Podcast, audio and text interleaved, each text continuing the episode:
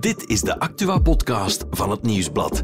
In samenwerking met Play Nostalgie en GVA. Het is vandaag woensdag 4 oktober.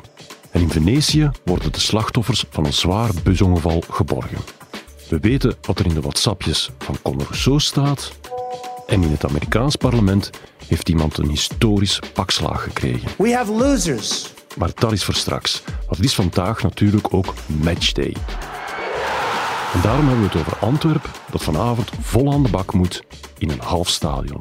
Mijn naam is Pavo Vermeulen en dit is The Insider. De Insider van vandaag is Peter Goris, nieuwsmanager bij Gezet van Antwerpen. Hey Peter, welkom. Goedemorgen. Hey. Ehm, je bent niet alleen nieuwsmanager bij Gezet van Antwerpen, maar vooral ook een voetbalkenner, een Antwerpen-expert en ook een echte hardcore fan van Antwerpen. Mag je dat zeggen? Ik denk dat je dat wel mag zeggen als je al 42 jaar op de Bosuil komt, ja. Mhm. Ehm, ik ga er dan ook vanuit dat je vanmorgen heel vroeg wakker was, want het is een historisch moment voor Antwerpen. Dat klopt, hè? Klopt. Ehm, ik, ik word wel voor de meeste wedstrijden van Antwerpen zenuwachtig wakker, maar eh, voor deze wedstrijd toch iets meer. Ja. Omdat het zo de eerste wedstrijd van, eh, van Antwerpen is op het eh, grootste Europese voetbaltoneel. Ehm, en omdat je tegen Shakhtar Donetsk, dat denken toch de meeste fans, toch in eigen huis punten moet kunnen halen. Dus dat is een, een belangrijke match, ja. Mhm.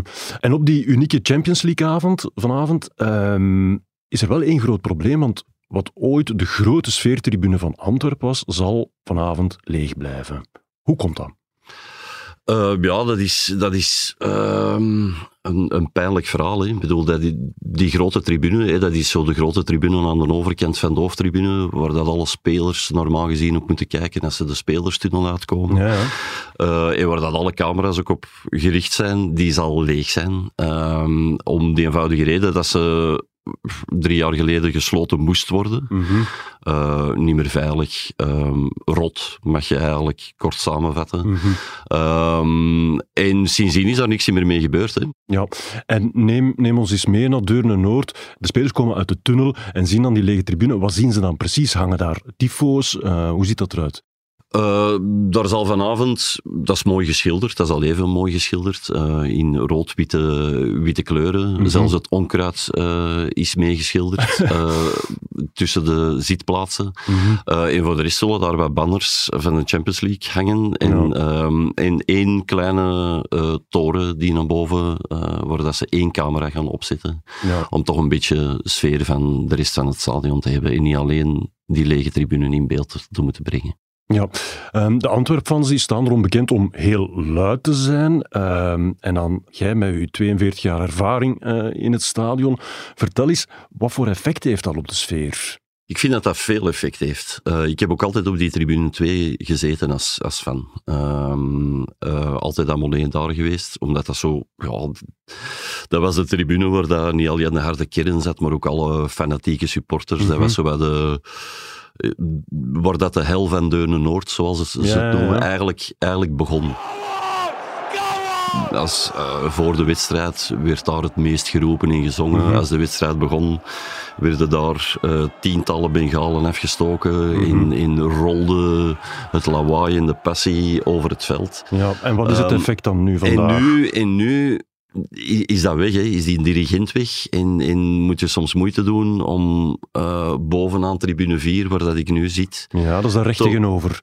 Uh, nee, dat is aan de, achter, de, achter het doel. Ja. Uh, dus je hebt zo eh, tribune 2 aan de overkant en naar rechts heb je tribune 4 mm -hmm. achter het doel en links de familietribune in de bezoekers. Ja. Dus op die tribune 4 zit je boven, moet je soms moeite doen om te horen wat dat ze beneden op tribune 4 uh, aan het zingen zijn, of wat dat ze aan de overkant aan het zingen mm -hmm. zijn, of wat dat ze op de hoofdtribune aan het zingen zijn. Dus dat komt zo allemaal bij in golven. Mm -hmm.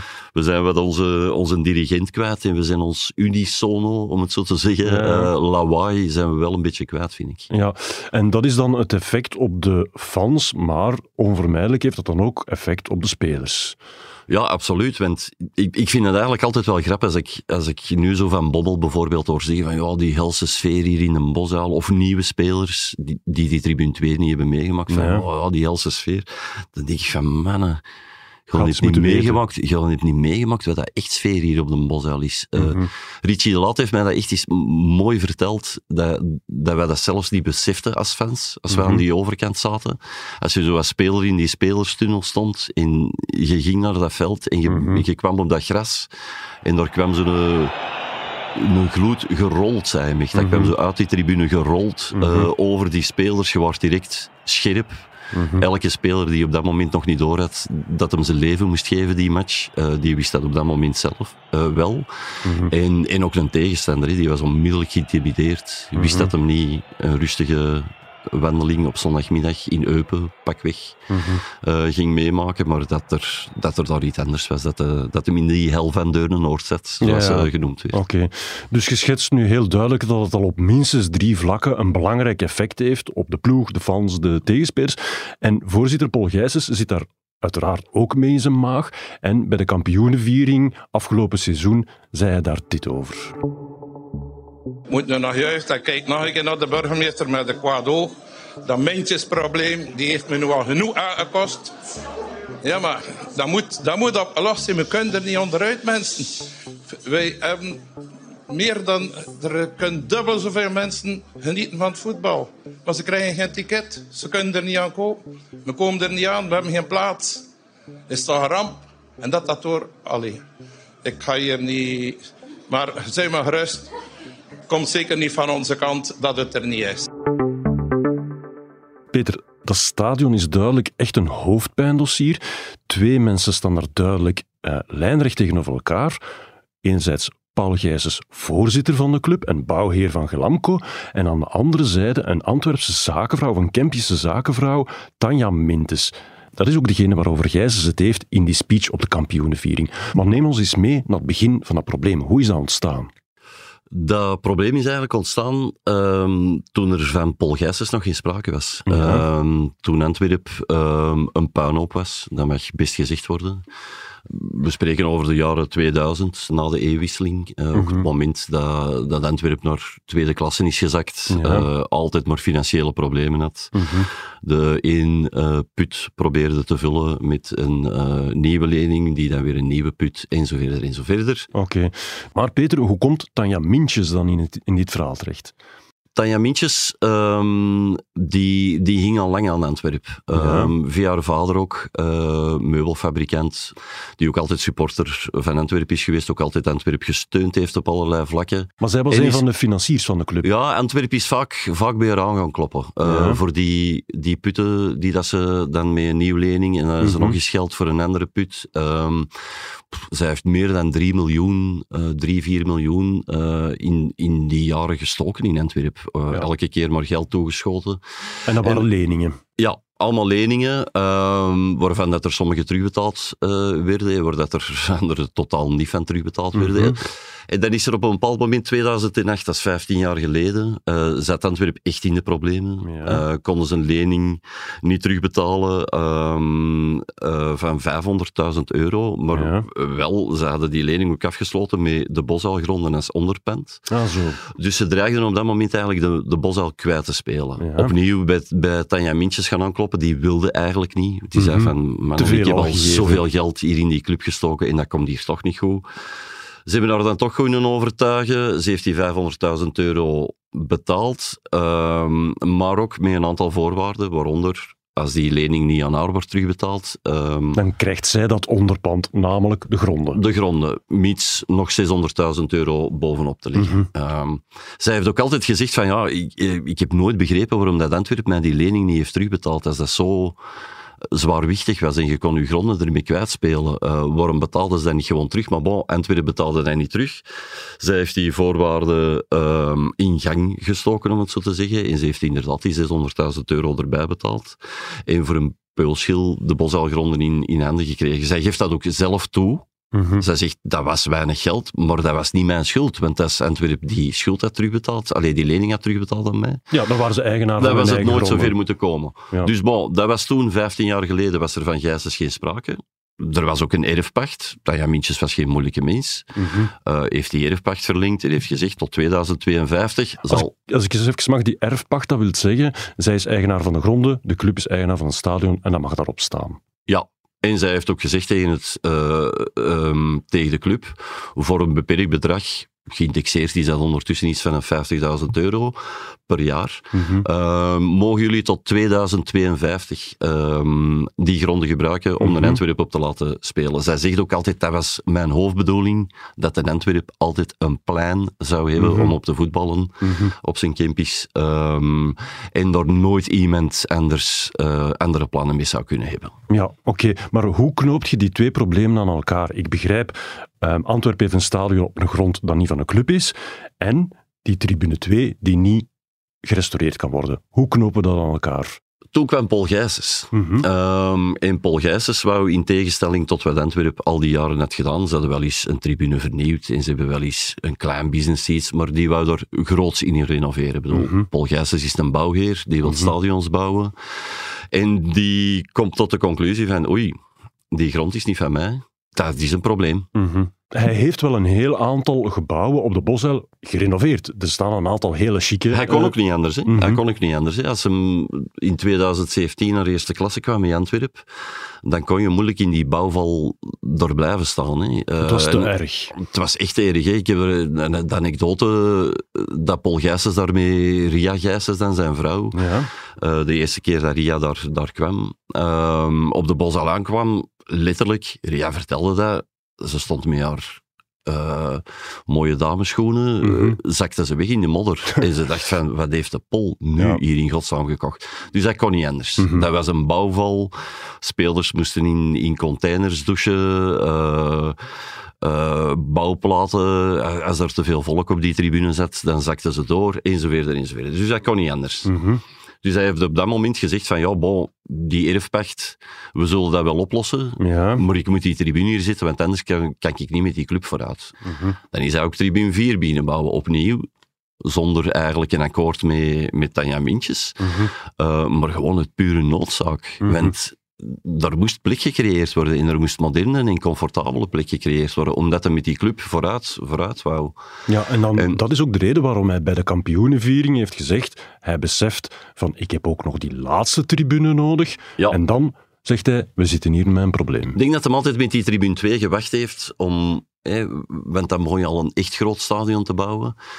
Uh, totdat uh, ik, economisch ook gewoon uh, een beter moment was. Dan moest Antwerp echt aan de top staan. Dan moest Antwerp aan de prijs gehaald hebben. Dan moest er nog meer volk kunnen uh, naar het stadion gelokt worden. Dan, moest, dan moesten er ook meer business seats kunnen verkocht worden. En ineens ging dat snel, hè. Uh, Overmars kwam Van Bommel. Dat was eigenlijk helemaal niet het plan dat hij al het eerste jaar in de beker gingen winnen, in de titel en in de Champions League geraken. Dus die mensen weer zenuwachtig. En die mm -hmm. zeiden van, oei oei, uh, we gaan hier rap vooruit moeten gaan, want we moeten dat momentum hier grijpen van, mm -hmm. van dat succes van Antwerpen, dus we moeten dat stadion kunnen volbouwen. En op dat moment denkt hij wel van, van, ja maar mannen, ik ga hier niet blijven bouwen op die gronden. Mm -hmm. Want alles door die erfpacht, alles wat ik hier opbouw, ja. is in 2052 van een ander. -hmm. En stel dat ik ondertussen ook de club wil verkopen, want oh, laten we er eerlijk in zijn, ik denk niet dat Paul Gijsens 20, 30 jaar op de mm -hmm. zal blijven. Dat is een bouwweer, dat is een businessman. Die zal die club mm -hmm. wel eens ooit verkopen. Maar dan moet hij ook verkoopbaar zijn. Dan ja, moet hij ja. tegen een nieuwe eigenaar kunnen zeggen van ja, bon, je kunt hier niet alleen die club van mij kopen, maar hier staat hier ook een fantastisch stadion dat van mij is. Mm -hmm. Maar dat kan hem niet zeggen. Want in 2052 zal dat stadion niet meer van de club zijn, maar van de grondeigenaar. Ja, en daardoor zit Antwerpen nu echt in een gridlock. Um, Gijzes wil dan niet riskeren om die laatste tribune te renoveren. En Mintjes wil haar grond niet verkopen. En nu zit het vast. Ja, voilà. Zo zit het. Peter, jij zit duidelijk heel diep in dit dossier. Um, ziet je er ook een uitweg uit? Ik heb daar even een uitweg in gezien, ja. moet ik toegeven. Waarmee dat ik eigenlijk al zeg, op dit moment misschien niet meer. Maar okay, spoiler. Um, er is op een bepaald moment uh, het interview met Mintjes. Uh, dat is een interview het, dat je zelf gedaan hebt. Dat was een exclusief interview, hè? klopt hè? Ja, een bijna historisch interview, mm -hmm. mag ik zeggen. Want uh, Tanja Mintjes spreekt nooit met de pers. Uh, spreekt ook niet met Paul Gijsens trouwens. Die ja. hebben elkaar nog nooit mm -hmm. persoonlijk ontmoet. Oké, okay, oké. Okay. Maar ze wou op dat moment toch eens even een hele visie doen. Nadat ze nogal persoonlijk was aangevallen In bij die, die, bij die speech op het mm -hmm. stadhuis. En ze zei toen letterlijk tegen mij van, ja, bon, ik had het gevoel gevoel dat er uh, een galg werd opgetrokken op de grote markt. En, en uh, dat het alleen nog kwestie van tijd was voor ik er naartoe gesleept werd uh, of op een brandstapel weer gezet. Dus ze zei van, boy, ik wou toch even mijn visie doen. Mhm. Ze heeft daar heel een uitleg gedaan, uh, maar ze heeft er eigenlijk ook een voorstel toen gelanceerd. En ze zei van, ja, bon, laten we nu eens allebei uh, onze fricties aan de kant zetten uh, en laten we zien het belang van de club proberen een compromis te zoeken. Ja, en wat was haar plan? En zij heeft toen haar plan gezegd, ze, ze heeft toen gezegd van, Paul is oké, ik ga het niet verkopen. En ik ga dat ook nooit verkopen, dus dat moet op de, uit uw kop zitten. Maar ik ben wel bereid om die, die erfpacht, waar we het er straks over gehad hebben, ik wil dat uitbreiden naar 99 jaar. Je krijgt dat zelfs gratis. Mhm. Ik hoef daar geen geld aan te verdienen. Ik wil daar wel een aantal voorwaarden aan koppelen. Zodat ik weet dat, dat je het met goede bedoelingen doet en dat je het vooral voor de club doet. Ja. En ik wil er ook over babbelen uh, dat we hier op een of andere manier tot een consensus komen. Maar ze stelt voorwaarden. Ze stelde wel voorwaarden. Nu, dat is niet onmiddellijk afgeblazen uh, of, of, of weggewuifd. De advocaten van beide partijen, want ze babbelen niet met elkaar, maar de advocaten van beide partijen hebben eigenlijk op dat moment zijn die gaan samenzitten en hebben die behoorlijk constructieve dingen. Mm -hmm. Heeft de groep Gijsens, om het zo te zeggen, uh, zelfs redelijk wat water bij de wijn gedaan. Heeft Mintjes dat ook gedaan. En ik dacht, van, dat komt hier goed. Ja, maar... Maar dat bleek blijkbaar te lang te duren. En dan heeft Paul Gijsens in een van zijn ja, misschien wel legendarische woede-uitbarstingen nog eens een mail gestuurd naar alle supporters. En dat gaat hier niet vooruit. Mhm. En wat denkt dat mens wel? En zo verder en zo verder. En is dat helemaal terug fout gelopen. En ik denk dat er op dat moment echt iets gebroken is. En mhm. dat was ergens in begin juli, uh, als ik het mij goed herinner. Uh, en dan dacht ik echt van, van oké, het is gedaan. Sindsdien, we zijn ondertussen oktober, zijn er eigenlijk geen fatsoenlijke onderhandelingen meer mhm. tussen die twee partijen geweest. Mm -hmm. um, nu nogthans, die, ik hoor nog, maar ik hoor wel eens uh, bij de partijen, ik hoor ook de, de kant Mintjes, die zeggen van ja, wij zijn eigenlijk nog altijd bereid om toch te mhm. proberen van een uitweg te vinden. Maar tussen die twee alleen um, zie ik het eerlijk gezegd niet meer goed komen. Nee, oké, dus een echte padstelling waar misschien mogelijk een derde partij zal nodig zijn om dat te deblokkeren. Een derde en misschien zelfs een vierde. Mm oké. Misschien wel belangrijker vandaag, uh, ik ga ervan uit dat je niet met tribune 2 gaat bezig zijn vanavond, maar met de match. Ja, absoluut met de match. Maar ik moet eigenlijk ook wel toegeven als ik uh, in die tribune zit. Ik zit in tribune 4. Ik zal het nog eens, dat is zo de rechterkant. Ja, ja. Dus ik zit zo schuin rechts in mijn oog. Op die geverfde uh, vlek te kijken. Zit ik al, al die matchen uh, in, in mijn blik die die gaat er toch wel even toe naartoe zijn. Hè. En zo met, met deels wat pijn, um, omdat ja, dat, dat is het, de mooiste tribune, vind ik, ooit in België, die er ooit in België heeft ge, gestaan. Ik heb daar al die jaren gezeten met mijn vrienden. Mhm. Ik zit nu ook met diezelfde vrienden, waar dat ik al die jaren op die tribune heb gezeten. Zitten, zitten wij nu samen op een veel modernere tribune. Ja. Maar eigenlijk zouden we even goed nog altijd op die oude houten bankjes hebben willen zitten. Aan die... Dus je zit daar met heel veel nostalgie toch mhm. wel vaak naar te kijken maar ook wel wat pijn. Ja, dus het snijdt inderdaad wel diep, maar ik hoop toch dat je ervan kunt genieten vanavond. En heel erg bedankt voor al uw uh, expertise. Merci, Peter. Geen probleem, dank je. Er is natuurlijk meer in het leven dan voetbal. Dat weet ik zo niet, Baro. Um... Ja, dus beste luisteraar, u hoort hier Bert Heijvaart, de producer, die is er komen bijzitten voor het andere nieuws van de dag en hij houdt zich niet aan de volgorde. Maar nu mag je spreken. dat is waar. Um, in elk geval, er is inderdaad ander nieuws van de dag. Um, helaas moeten we beginnen met dat busongeval in Venetië. Ja. Um, daar zijn gisteravond, ja, is daar een bus door een vangrail gereden op een viaduct in Mestre. Ja. Mestre is zo de plek waar het station staat van Venetië, mm -hmm. op het mhm. vasteland. Ja, die bus is 15 meter naar beneden gestort, heeft vuur gevat. Dus ja, dramatisch uh, accident. Ja, um, er zijn ook heel veel doden gevallen. Ja, zeker al 21. Er zijn nog vijf mensen kritiek, uh, heel wat zwaar gewonden ook. Het gaat vooral ook om jonge mensen, want het was een bus vol toeristen die op weg was naar een camping. En er zaten ook helaas kinderen in die ook gestorven zijn. Ja, is er duidelijkheid over de echte oorzaak van het ongeval? Nee, nog niet. Um, het is een vreemd ongeval, want het is een recht stuk weg waar die bus gewoon los door de vangrail is gegaan, dus het onderzoek loopt. Mhm, oké, we volgen dat uh, van nabij op. Ehm, en dat geldt eigenlijk ook voor iets anders, namelijk de zaak Conor Rousseau, want daar is ook opnieuw nieuws in. Ja, inderdaad. Uh, interessant stuk in de krant vandaag. Onze collega's ehm, hebben de sms te pakken gekregen die Rousseau heeft gestuurd naar de burgemeester van Sint-Niklaas en naar uh, de korpschef, Jo mhm. de Geest. Ja, en voor alle duidelijkheid, dit gaat over een intussen legendarische avond in Sint-Niklaas, waarin de voorzitter van Vooruit een aantal uh, onkieze uitspraken zou gedaan hebben in het bijzijn van een agent. Inderdaad, racistische uitspraken wordt gezegd rond de Roma-gemeenschap. Wat er exact gezegd is, weten we nog niet. En mm -hmm. Rousseau probeert dat met alle mogelijke middelen eigenlijk onder de radar te houden. Um, ja. En in die sms'en maakt hij zich vooral zorgen om de beelden van de bodycam die een agent sowieso op zijn, uh, op zijn lichaam heeft. Mm -hmm. uh, hij stuurt naar die korpschef van ja, uh, die beelden gaan toch niet openbaar worden, want ik hoor dat die al rondgaan en zo verder. En ik ga misschien onterfd worden door mijn eigen moeder. Ja. Um, dus um, ja, hij is wel nerveus. Maar wat vooral opvalt, is dat die korpschef ook vrij droog reageert en vooral niet zegt van maak u geen zorgen, dat komt in orde, we maken daar geen zaak van. Mm -hmm. En dat is nogthans wel de verdediging van Rousseau, want die zegt van ja, mij, mij was er gezegd, er komt nooit een zaak van, en die is er na tien dagen wel gekomen. Dus um, ja, niet zo goed nieuws voor Rousseau dat die sms'en nu gelekt zijn. Nee, en uh, het verhaal is ook nog niet gedaan, want donderdag zal hij verhoord worden in die zaak. Inderdaad. En dan, Bert, Um, helemaal aan de andere kant van de wereld is er iets heel ontluisterends gebeurd in het Huis van Afgevaardigden in de Verenigde Staten. Ja, inderdaad. Daar is de Speaker of the House, dat is Kevin McCarthy. Eigenlijk kan je zeggen de op één na machtigste man uh, van de VS. Ja. Die is afgezet. Mm -hmm. um, de eerste keer in de geschiedenis dat dat gebeurt. Ja. Uh, McCarthy is een republikein die sowieso al echt uh, heel veel, echt een calvarietocht achter de rug ja. heeft. Um, had 15 stemrondes nodig mm -hmm. om, om ooit uh, Speaker of the House te worden. Ja.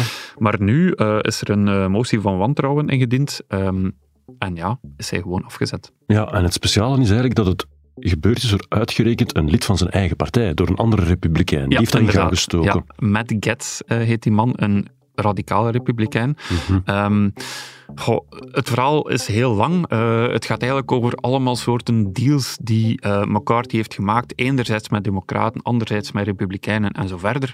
Maar die man bleek compleet onbetrouwbaar, kwam daar dan altijd maar weer op terug. En die Getz heeft nu gezegd, ja, weet je wat, het moet gedaan zijn. Ik dien een motie van wantrouwen in. Acht republikeinen stemmen mee. Mm -hmm. Democraten stemmen ook allemaal mee. En daarom ja, is het nu chaos, want uh, ze hebben geen Speaker of the House meer. Ja, en dat is de eerste keer in geschiedenis dat zoiets gebeurt. Inderdaad, ja. Oké, okay, Bert, bedankt voor je uitleg. En morgen zijn we er opnieuw met een nieuwe Insider.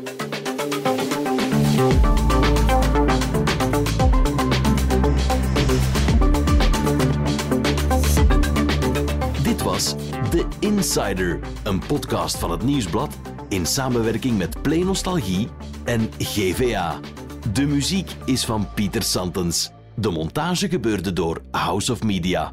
Wil je reageren? Mail naar podcast.nieuwsblad.be.